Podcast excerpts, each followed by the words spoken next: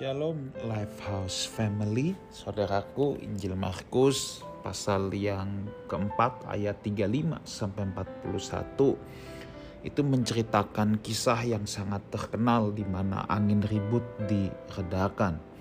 Di mana saat itu murid-murid bersama dengan Yesus, saudara ya, ada di dalam sebuah perahu. Lalu ayat ke-37 dicatat lalu mengamuklah taufan yang sangat dahsyat dan ombak menyembur masuk ke dalam perahu sehingga perahu itu mulai penuh dengan air.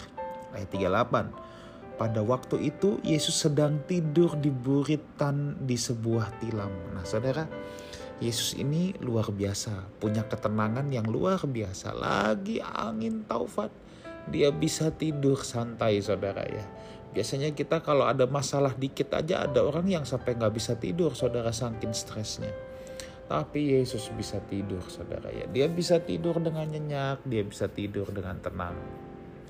Itulah Tuhan kita Yesus Kristus. Lalu tapi lihat apa yang murid-murid katakan. Guru, engkau tidak peduli kalau kita binasa. Nah, lalu kalau saudara baca teruskan ya. Yesus menghardik angin di danau itu, diam dan tenanglah. Angin itu jadi reda dan teduh sekali. Lalu Yesus menegur murid-muridnya, mengapa kamu begitu takut? Mengapa kamu tidak percaya?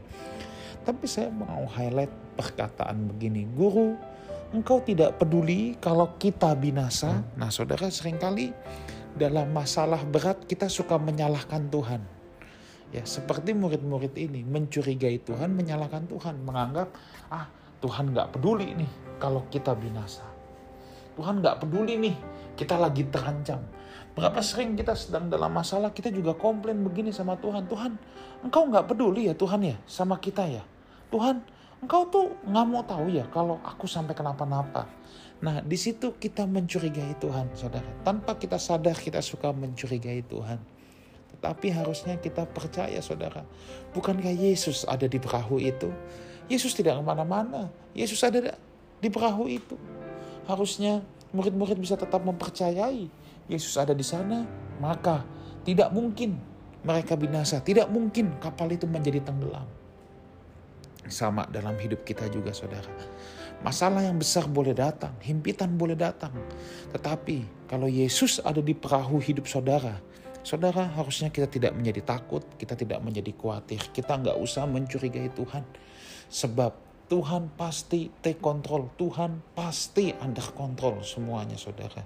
Bahkan Alkitab berkata, satu helai rambut kita pun tidak akan jatuh tanpa apa? Tanpa seizin Tuhan. So, kenapa kita harus mencurigai Tuhan? Kenapa kita harus seakan-akan ah Tuhan nggak peduli sama kita? Nggak, Tuhan sangat peduli saudara ya. Kadangkala Tuhan mau diam dulu, Tuhan diamkan dulu. Untuk apa? Untuk melihat apakah kita percaya atau tidak. Apakah kita betul-betul mempercayai Tuhan atau tidak. Kalau tidak ada taufan, tidak ada angin ribut. Murid-murid juga tidak kelihatan kan apakah mereka betul-betul mempercayai Tuhan atau tidak.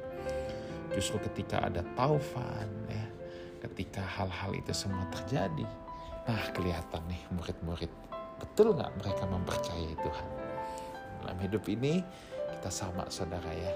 Doa saya bahwa sekalipun badai taufan datang dalam hidup kita, tapi kita tahu Yesus ada bersama-sama dengan kita. Christ in you, kata Alkitab. Kristus yang adalah pengharapan akan kemuliaan ada di dalam kita. Itu sebabnya kita nggak perlu jadi kecil hati, kita nggak perlu jadi takut dan khawatir. Percayalah Tuhan take kontrol dalam semua keadaan hidup kita. Tuhan Yesus menyertai kita semua. Amin. Puji Tuhan.